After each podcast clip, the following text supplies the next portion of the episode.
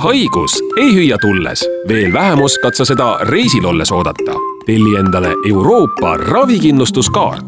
see kaart tagab Euroopa Liidus reisides vajamineva arstiabi võrdsetel tingimustel selles riigis elavate inimestega. kaart on sulle tasuta.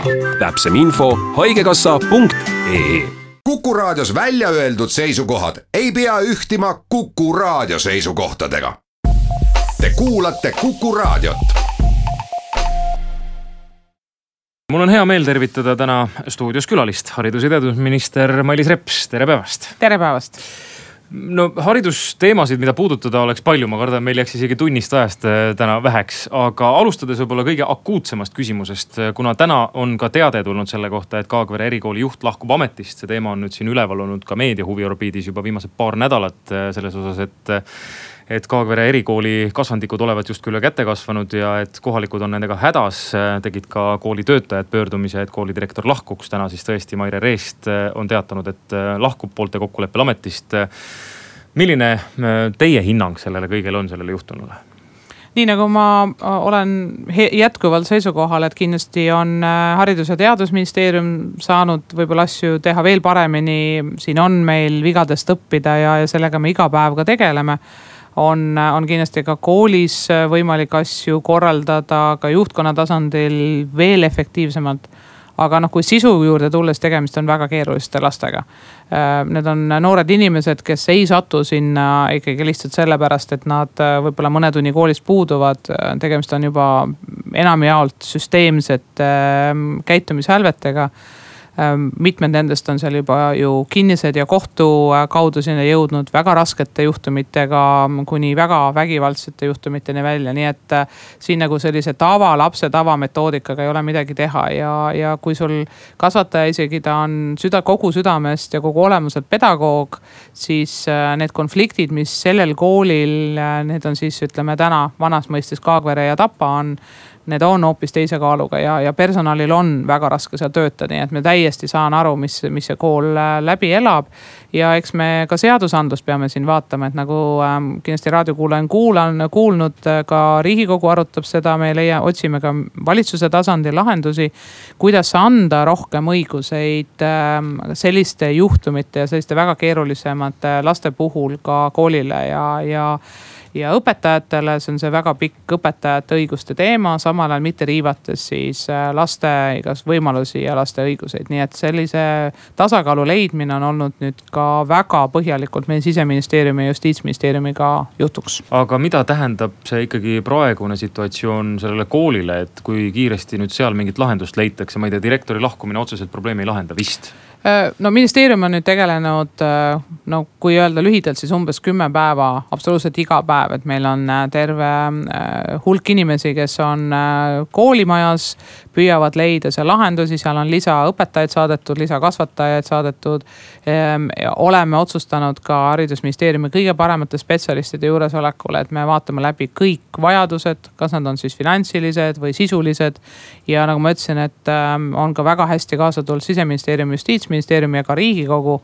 Et äh, siin me peame andma ka õiguseid teatud distsiplinaarseid asju sisse panema, näiteks mis juhul saab last tõepoolest kinni hoida, mis on olnud väga pikk vaidlus, et kas see on lubatud, ei ole lubatud ähm,. kinni hoida selles mõttes, et kui ta ikkagi on teatud korrareeglid ja, ja neid järjest eiratakse või segatakse süsteemselt tundi, et kas on võimalik last mingi, mingi aeg siis hoida koos loomulikult täiskasvanuga ja, ja tema hügieenireegleid tagades ja tema turvalisust tagades.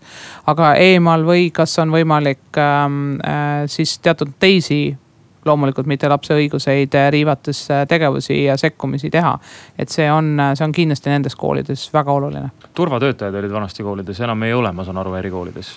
küsimus on, mida see turvatöötaja teha saab, et kui sul täna ei ole õigust seda last põhimõtteliselt ähm, ütleme siis otseselt jõuga ähm, tagasi takistada, et ta üle territooriumi ei lähe, et, et seal ongi küsimus, et kui palju on seal turvatöötajal õigusi, kui palju ei ole. turvatöötaja tavaliselt ei hoia inimesi sees, vaid takistab kõrvalistelt isikustelt sissetulekut. turvatöötaja mõte tänapäeva koolides on see, et, et meile lap,, meie lapse turvalisus on tagatud. aga siinkohal on ju tagurpidi juhtum, et, et põhimõtteliselt peaksime võtma inimesed tööle, kes hoiavad territooriumil kinni ja siin jah, ütleme, siin on ka õiguslik baas, mida me kindlasti koos peame vaatama. no kvalifitseeritud tööjõupuudusest on väga palju räägitud selle juhtumi kontekstis, et äh, sellised koolid vajaksid eriväljaõppega õpetajaid. miks meil neid praegu ei ole ja kust me leiame need?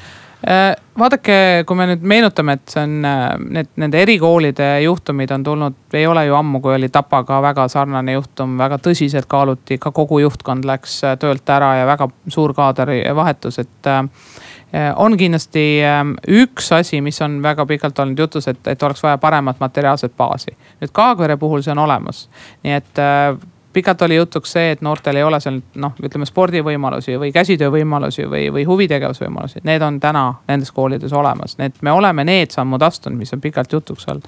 nüüd täna spetsiifilise kaadri puhul ei ole saladus, et kui sa tood poisid sellisesse kooli nagu Kaagvere, seal ei ole poiste kogemust, siis peavad liituma selle, selle meeskonnaga ka mehed ja nendest on meil täna puudus loodetavasti leitakse sellele lahendus. ühest küljest lühiajalisem, teisest küljest ka pikaajalisem, kindlasti pikaajalisem. et, et seadusemuudatused ilmselt on ka vajalikud selle koha pealt. kindlasti on vajalikud ja, ja õnneks meie partnerministeeriumid on siin väga-väga hoogsalt kaasa rääkimas üks teine teema, mis on ka väga elavat vastukaja tekitanud, see on lävend gümnaasiumis. Mailis, te käisite selle idee välja, et peaks olema siis tulevikus või võiks olla äh, selline konkreetne lävend. Need numbrid olid äh, kolm koma seitsekümmend viis võiks see keskmine hinne vähemalt olla, mis oleks piisav, et pääseda gümnaasiumisse. kas see oli uitmõte või on see ikka reaalne? Et äh, kui nüüd samm tagasi astuda, et äh, kuidas see jutuajamine või kuidas see ettepanek äh, valitsuse kabinetti sündis, et ähm, on olnud päris tükk aega jutuks, et me võiksime ühiskonnas ju selgelt välja öelda, et täna põhiharidusega ei ole mitte midagi teha. ja, ja arutasime, et kõik noored peaksid noh, on unistatud sellisest tagasi kohustuslikust keskharidusest või lausa kohustuslikust kõrgharidusest, et tark majandus vajab meil aina targemaid inimesi ja ja et selleks on vaja, et kõik noored inimesed õpiksid edasi. sealt tuleb järgmine samm, et kõik noored inimesed ei suuda täna äh, keskharidust sellisel kujul omandada, nagu me ootame seda ja, ja arutelu vaadates ka seda, et meil on täna põhikoolid ja gümnaasiumid juba rohkem ja rohkem lahus, peaks olema põhikooli lõpueksami asemel siis gümnaasiumisse sisseastumiseksam, et ei ole vaja niivõrd lõpueksamit, vaid vaja sisseastumiseksamit ja sisseastumiseksami puhul on ju võimalus, et kas sa siis selle nõndanimetatud esimese positiivse hinde või ütleme, positiivse lävendi kuhugi sead ja, ja tagurpidi sealt edasi jõudsime selleni, et mis on umbes see piir, mida me eeldame, et gümnaasiumi õppekava selleks, et minna kõrgkooli on, on, ähm, on tõesti nagu võimekuselt siis läbitav. ja sealt see ütleme ümmargune kolm koma seitsekümmend viis tuli, loomulikult see kolm koma seitsekümmend viis on see, mis ühiskonnas kõige rohkem äh, elevust mm. tekitas. aga see sisuline küsimus, et kas meil gümnaasiumisse on mingisugune absoluutne miinimum või teine variant, mis siis on ka olnud kaalumisel haridusel, mida on tööandjad välja pakkunud. et on olemas nii nagu täna kutseharidusele antakse koolitustellimus ehk arvud ette, kui palju läheb kutsekooli. Eh, nii palju siis öelda arvuliselt välja, kui palju läheb gümnaasiumist, et riik justkui tellib keskhariduskohti vastavalt siis harule. nii seda kasutab siis Soome, kus on see põhimõtteliselt kuuskümmend, nelikümmend jaotunud. või on see kolmas, et eh, kõik peavad läbima gümnaasiumi sisseastumiseksami, ainult et eksami piir näiteks täna põhikoolis on ju üsna kõrge, et seal on eh, esimene positiivne hinne on praktiliselt viiskümmend protsenti.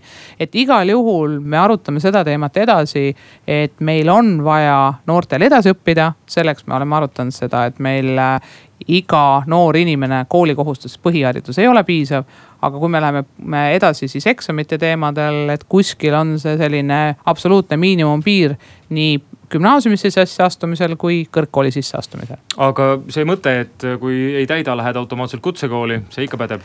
Äh, see ei ole selles mõttes automaatne ju, et meil on täna ju kolm haru, meil on olemas täiskasvanute gümnaasium, meil on kutsekoolid, kutsekoolid on väga eripalgelised, alates siin äh, polütehnikumist, mis on juba pead otse seotud kõrgharidusega, et ta läheb edasi rakenduskõrghariduseks praktiliselt üle tee. ja, ja on olemas sellised võib-olla natuke tagasihoidlikumad kutseharud, mis on traditsioonilisemad aga tööandjate ja ka ütleme, sellise laiema tööturu vajadus täna kindlasti on ka see, et meil on olemas neid kutseinimesi, kes on valmis sealt edasi minema loomulikult ka kõrgharidusse.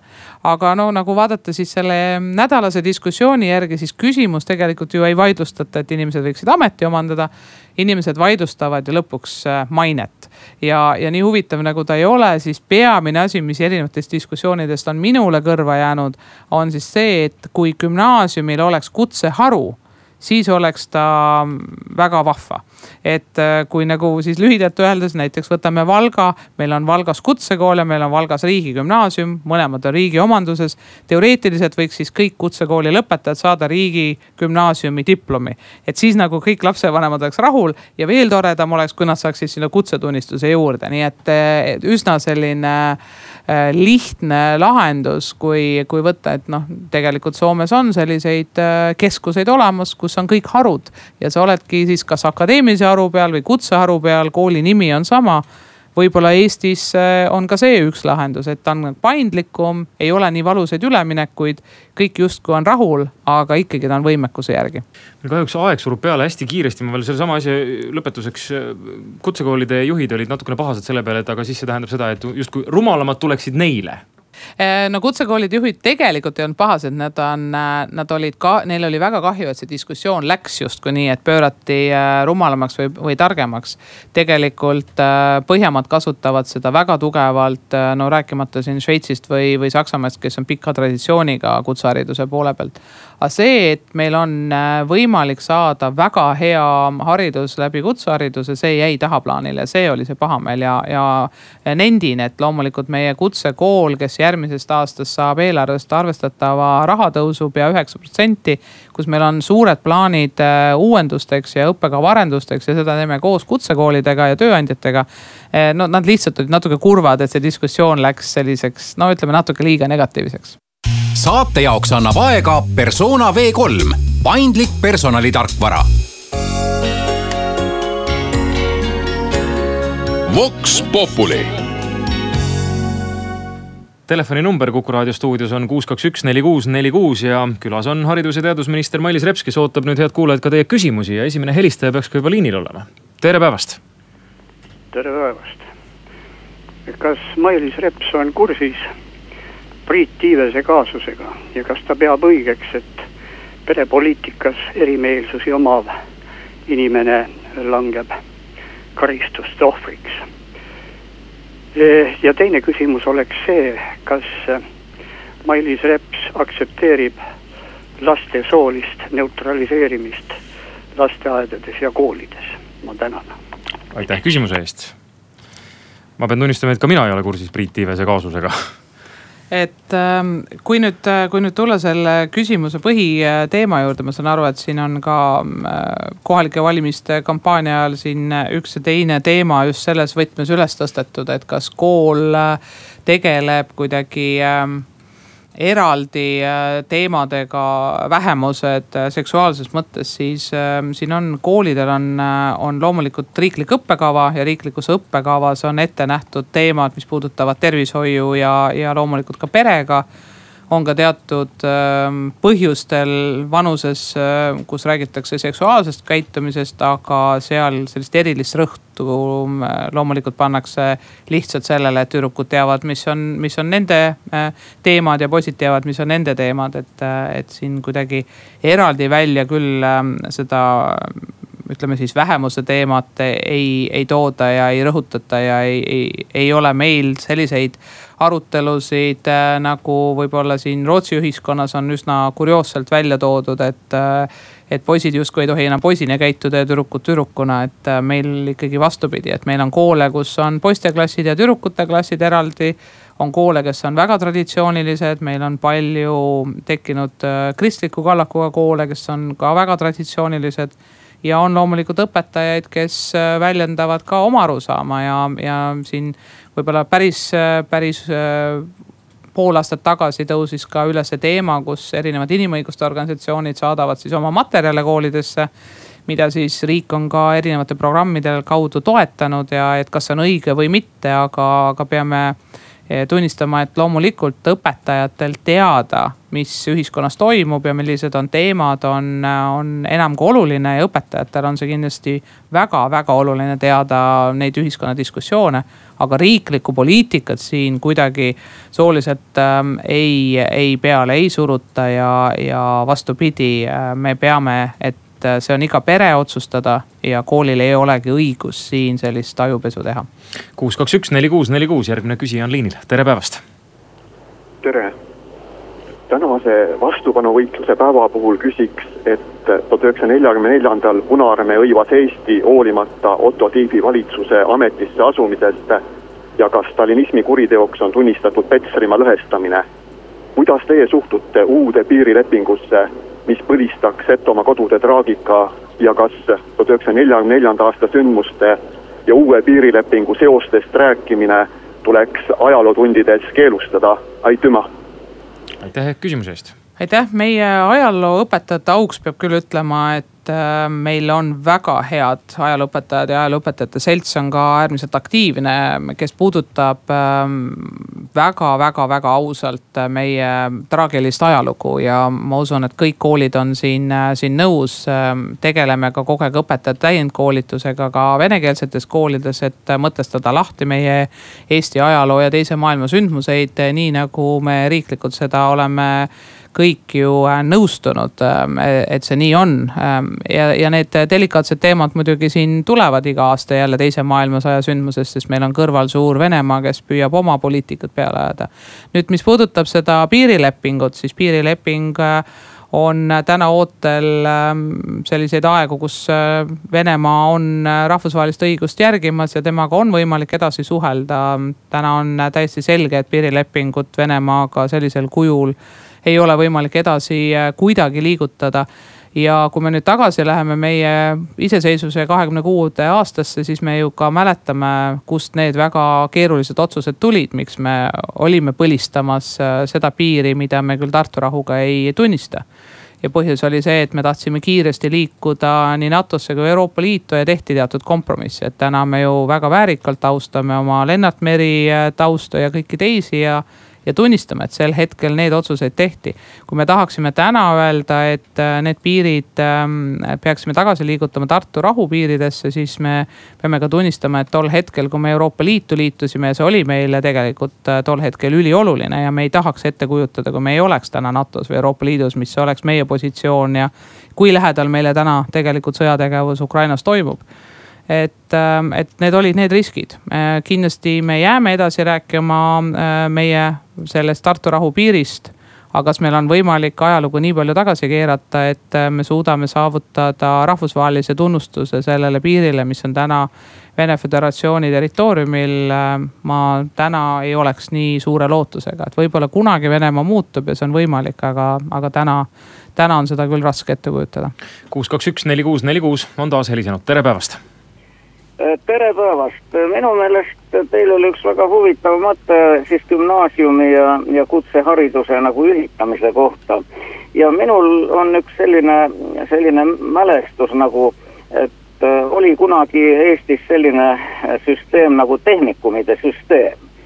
ja sellistest tehnikumidest oli Tallinna Polütehnikum, selle lõpetamisel äh, sai siis noh, keskhariduse, võis minna edasi kohe kõrgkooli, tõsi, oli üks piirang, aga see oli seotud sellega, et oli tarvis paar aastat tööl käia, aga see oli sihuke administratiivne. aga haridustase oli tegelikult äh, üpris kõrge ja see oli üsna populaarne õppeasutus.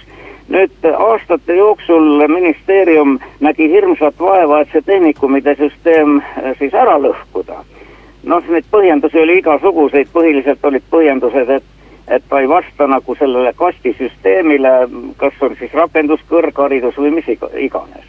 ja mis te arvate, võib-olla tasuks äh, sellisele endisele tehnikumide süsteemile, mis tööandjatele väga hästi sobis, kuna sealt tulid väga head spetsialistid ja nad said, said ka kõrgharidust pärast minna omandama. ehk tasuks nagu see asi mingil viisil taastada. aitäh, aitäh.!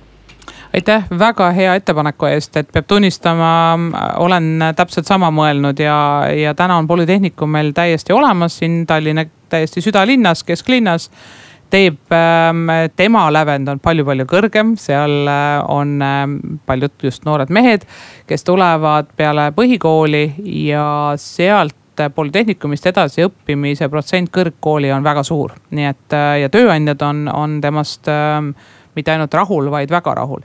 nii et äh, see, et me laiendaksime neid kutsekoole, kellel võib-olla juba see kutsekooli nimi võib-olla ei ole nii, nii positiivne ühiskonnas laiemalt, kuigi need, kes on kutsekooliga kursis, teavad, et seal tehakse suurepärast tööd. et sellise Äh, tehnikumi kaudu äh, populariseerida on, on olnud ka meil mõttes, sest see on ka see, mida tööandjad tahavad, nad tegelikult tahavad täna mitte, mitte ainult kutseharidust, vaid noort inimest, kes õpib kätega töötama ja siis õpib pea juurde panema. kuus, kaks, üks, neli, kuus, neli, kuus, võtame järgmise helistaja liinile, tere päevast.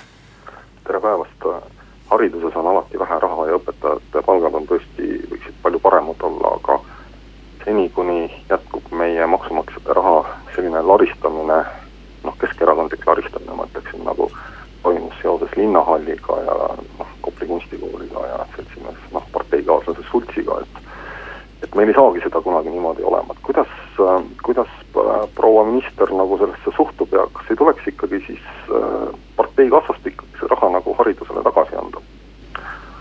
aitäh küsimuse eest et eks siin ole nüüd põimitud mitu küsimust, et kõige esimene õpetajate palkadest, äh, kuna me hetkel just arutame ka kaheksateistkümnenda aasta eelarvet, siis äh, äh, loomulikult haridusministrina seisan selle eest, et õpetaja palkade jätkuv tõus oleks arvestatav. Ehm, me oleme sellel aastal tõstnud saja euro eest baasraha ehk miinimumpalka nüüd kaheksateist, ma usun, et me saame kõik siin ühiselt rõõmustada selle üle, et selline miinimum tõuseb jälle saja euro võrra ja loodame, et üheksateist me lepime kokku täpselt samamoodi, et sada eurot aastas ei ole just palju sektoreid, kes miinimumpalgas nii palju äh, reaalselt, päriselt äh, sissetulekut suurendavad.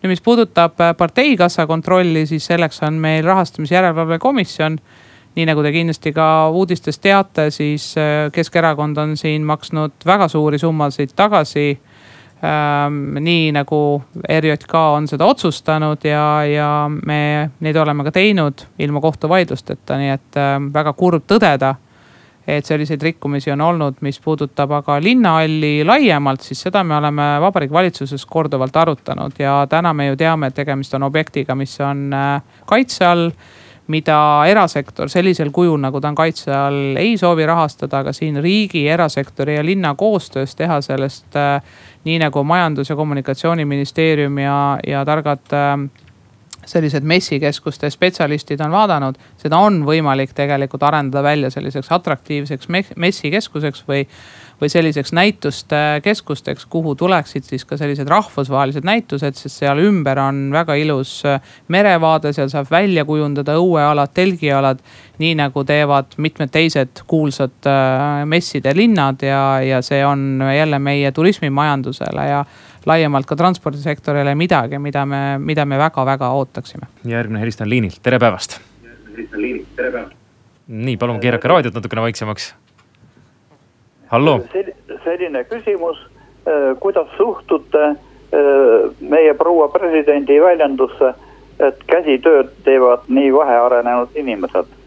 aitäh küsimuse eest ma pean ütlema, et ma jälgin äh, proua presidendi erinevaid sõnavõtte väga suure huviga, et Kersti Kaljulaidil on alati väga palju öelda ja, ja ta ju äh, ütlebki väga julgelt ja avameelselt välja oma mõtteid. pean tundma, tunnistama, et ma selle käsitöö teemaga võib-olla kahjuks nii detailides kursis ei ole, aga käsitöö teema äh, laiemalt Eesti ühiskonnas minul haridusministrina on, on kokkupuudet küll, me nimelt hetkel oleme siis äh, lõpetanud just pika arutelu teemale, et OSKA, äh, kes siis analüüsib erinevaid valdkondi, millisel tasemel tööandjad vajavad siis milliseid töökäsi tõid siis välja, et käsitöö valdkond on Eestis, ähm, et seal ei ole nii palju töökohti ja nii palju lõpetajaid ei ole vaja, aga samal ajal kutsehariduses on käsitööõpe ja Eesti traditsioonilise käsitööõpe väga populaarne. ja me peame siis haridusministeeriumis vastama küsimusele, et kas me peaksime jätkuvalt andma koolitustellimust nii palju kutsehariduses, käsitöö valdkonnas, nagu tegelikult noored inimesed on huvitatud ja tihti ka sellised juba täis, täiskasvanud, nagu kutsehariduses on ju pooled täiskasvanud inimesed, kakskümmend viis ja enam aastat vanad või me peaksime siis järgima rohkem OSKA raportit ja ütlema ja tunnistama, et töökohti võib-olla selles valdkonnas nii palju ei ole saada. et see võib-olla on side käsitööga, mis mul kohe esimesena meelde tuleb, aga jah, et jälgin ja otsin huulega, mida siis on president sel teemal öelnud. kuus, kaks, üks, neli, kuus, neli, kuus ootab järgmist küsimust haridus- ja teadusministrile. tere päevast. Öelge palun, kas ma võin mitte hariduse teemal ka talle äh, ministri prouale ühe küsimuse esitada? minister noogutab. Äh, küsimuseks selline, et juhtus õnnetus, murdsin jalaluu ja kas ei võiks olla võrdsustatud, ütleme sellised traumad nagu tööõnnetusega, et eh, kui ma nüüd on kolm kuud kodus, ma saan seitsekümmend protsenti haigusraha pluss tabletid, aga lapsed mul praegu selle arvelt lihtsalt kannatavad, et mul juhtus selline õnnetus. ja õnnetus selles mõttes, et eh, ma lõin ju kaine, eks ole, et lihtsalt juhtus õnnetus, kukkusin. aga nüüd on, põlv on sodi ja üks kolm kuud läheb, miks, kas ei võiks olla võrdsustatud nagu tööõnnetusega, et saaks sada protsenti et eile ma helistasin Haigekassasse, nad ütlesid, et selle küsimusega hea küsimus, et pöörduge valitsuse poole, et nemad võivad seda otsust muuta. ühesõnaga, et äh, ma saan aru, et see õnnetus ei juhtunud tööl? mitte tööl, aga kas see traumad, ma saan aru, et köhaga öeldakse, et inimesed ja gripiga viilivad õudselt, aga kui mul on reaalselt näha, ma käin kalkudega ja mul on luu katki, mul on röntgenipildid kõik, eks ole. et et ma olen möödapääsmatus olukorras, aga minu lapsed tahavad ka ju kõike saada endiselt edasi, seepärast et kui palk on niimoodi alla keskmise ja nüüd sellest jääb järgi seitsekümmend protsenti, siis eh, noh, lapsed kannatavad mm. -hmm. aitäh aitäh väga hea küsimuse eest, et äh, kui vaadata üleüldse meie tervishoiu teemasid, siis see on olnud äh, nii haigekassast laiemalt kui tervishoiu rahastamine selles valitsuses korduvalt jutuks äh,. nagu on kindlasti ka teil läbi raadio vahenduse tuttav teema, et meil alustasime sellest, et tervishoid üldse jalul püsida sellisel tasemel, nagu ta täna on. tuli vaja leida meil enam kui kaks kakssada kuuskümmend miljonit eurot tervishoiule ja ühe teemana on äh, paljude teemade kõrval, seal on olnud küsimus ravimihüvitisest, et see määr paljudele inimestele on siiski liiga, äh, liiga kõrge, isegi kui sul on üheksakümne protsendine retseptiravimite vabastus, kümme protsenti võib teatud haiguste puhul olla liiga kõrge või üldse see summa kokku tulla sulle liiga suur. seal on inimesi, kes maksavad mitusada eurot kuus ravimitele ja, ja sellised lisatoetused on vajalikud me oleme arutanud, äh, kuidas ravijärjekordi vähendada. ja nii nagu härra küsis, üks teema, mis on läbinud äh, meie arutelusid, aga kahjuks ma täna ei oska teile veel kuidagi öelda, sest siin me peame ka te koostööd tegema haigekassaga ja, ja üldse meditsiini äh, rahastusega laiemalt, et kuidas paremini kompenseerida inimeste ähm, haiguspäevi, et nagu ka teema, mis on väga valus ju, et alles kolmandast päevast sa saad seda, et tavaliselt selleks ajaks inimene on juba haigena tööl ära käinud. Äh, teema, mis on nüüd viimastel nädalatel valusalt üles tulnud, et kui sa tuled vanemahüvitise pealt äh, tagasi tööle, siis sa saad äh, miinimumpalga pealt endale haigepäevi ja tavaliselt lastega just siis koju jäädaksegi. Äh, teemad ähm, kuni siis äh, nii nagu ära välja tõi, et kui sul on pikaajaline trauma, et sa saad ainult seitsekümmend protsenti. võtame, võtan selle kindlasti valitsuse järgmisele vestlusele ja arutelule kaasa, kui meil jälle haigekassa tuleb oma ettepanekutega ja. ja, ja loodan, et ühel hetkel need äh, tervishoiu ja haigepäevad saavad ka kõikidele nendele teemadele vastuse. kuus, kaks, üks, neli, kuus, neli, kuus, järgmine helistaja on liinil, tere päevast. kuuleme teid. nii et toetan sada protsenti tehnikumide asja, sest et see vastab täiesti praegusele bakalaureusele, olen lõpetanud tehnikumi, olen lõpetanud kõrgkooli magistrikraadiga, tehnikum neli pool, magister neli aastat. no see pole küsimus, aga hoopis teine teema, et selle linnahalli värgiga, kes pani selle transamehe sinna muinsuskaitse etteotsa, Siim Raie. tema leksikoni on ju selline, et temale meeldivad need kolme tähega sõnad, mis sinna seina peale maalitud olid. seda me teame, nägime televisioonis tema esinemist, aga kes sihukese mehe üldse pani sellise koha peale, sellel mehel oleks nagu transakoht pärast. ma ei tea, kas see nüüd on küsimus haridus- ja teadusministrile otseselt, äkki teil on haridus- ja teadusministrile ka siiski küsimus? just, ma rääkisin selle esimese osa ära ja teine osa on see linnahalli sodimise kohta, sest et neid plekkärakaid eh, on ju küll meil Solaris, mm, Saku, Selver. no nii et palun. ja aitäh küsimuse eest, ma ei tea, kui palju muidugi haridus- ja teadusminister saab mõjutada muinsuskaitseametisse inimese nimetamist, juhiks nimetamist et äh, ma usun ka, et siin äh, personalipoliitikat äh, võib-olla hetkel ei olegi võib-olla meil lõpuni mõtet lahata, et eks meil ole erinevaid juhte, kes meeldivad, kes ei meeldi. Muinsuskaitse on üks selline amet, kes, kes on nendele inimestele, kes muinsuste eest seisavad arvatakse kogu aeg, et nad teevad liiga vähe ja inimesed, kes tahavad arendada ja midagi näiteks, kes on kokku puutunud kasvõi mõne vanema hoone või, või muinsuskaitse all oleva hoone taastamisega leiavad, et need äh, reeglid on, äh, on äh, üle jõu käivad. ka mina oma ametis olen erinevatel aegadel pidanud kokku puutuma nõuetega, ma mäletan siin mõne, mõne erikooli taastamist või mõisa, mõisa taastamist, kus oli küsimus, et kas lastel oleks soe või me taastame üks-kaks akent ära, et, et noh, need on, need on tegelikult valusad dilemmad ja tavaliselt ühiskond seda kompromissi leida on peaaegu et võimatu. aga kuus, kaks, üks, neli, kuus, neli, kuus, loodetavasti nüüd ikkagi küsimus haridus- ja teadusminister Mailis Repsile, tere päevast. halloo. halloo, tere. ja tere äh,. Äh, sooviksin rääkida teemal äh, kutseharidus kui selline, et miks ta ei võiks olla rakenduslik kõrgharidus. kunagi on ju lõpetatud, ma räägin nagu enda nimel, Otsa kool kui selline tuntud kool aga seda muusikaharidust on võimalik omandada ka näiteks Tallinna Ülikoolis teatud fakulteet, fakulteedis. nii ja edasi äh, nüüd lõpetaja Tallinna Ülikoolis saab kõrghariduse, kes on nagu spetsiifiliselt õppinud muusikat Otsa koolis. temal ei ole isegi mitte rakenduslikku kõrgharidust võtta tänaseks päevaks.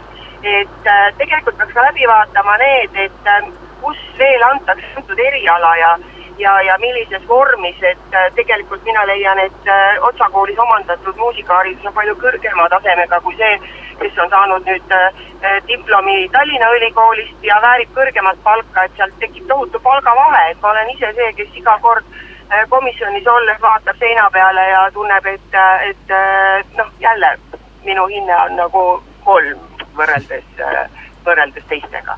et äh, miks, miks ei võiks vaadata läbi, et, äh, et äh, kõik, kõik ei ole tehnikumid, otsa, kuidas Otsa kooli üldse nimetada veel, et kas ta on tehnikum või, tekib sealt veel mingi oma valdkond Eh, kus määratleda neid kutsehariduse saajaid, et, eh, et minu meelest seal peaks veel nagu alaliigitama neid asju, aitäh. aitäh, eh, ministrile kiire kommentaar. aitäh, tegelikult võib-olla ka küsija või ütleme pigem kommenteerija ise ka teab, et Georg Otsa koolis endas on täna samamoodi arutelul, et kuidas viia need need kolmeaastased, tegelikult see on ju kutsekool, mis on muusika eripäraga ja, ja sealt kolme aastaga saadakse tõesti äh, väga häid diplomeid ja seal tehakse kutseeksamid et kuidas sinna kuidagi naturaalselt juurde liita järgmine aste, et äh, ega see on selline hästi unustatud vana, et kui me mäletame, siis äh, tõepoolest selline tehnikumi või rakenduskõrghariduse tänases mõistes juurdeliitumine ühe, kahe, kolme lisaaastaga on, on olnud väga pikalt arutlusel. vahepeal ta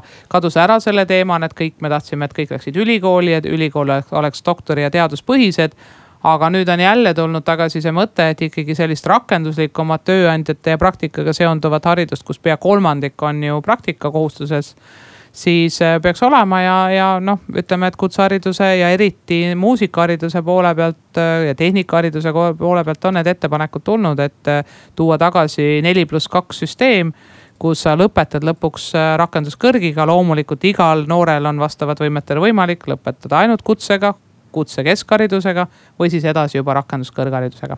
haridus- ja teadusminister Mailis Reps, aitäh täna stuudiosse tulemast, edu. aitäh teile ka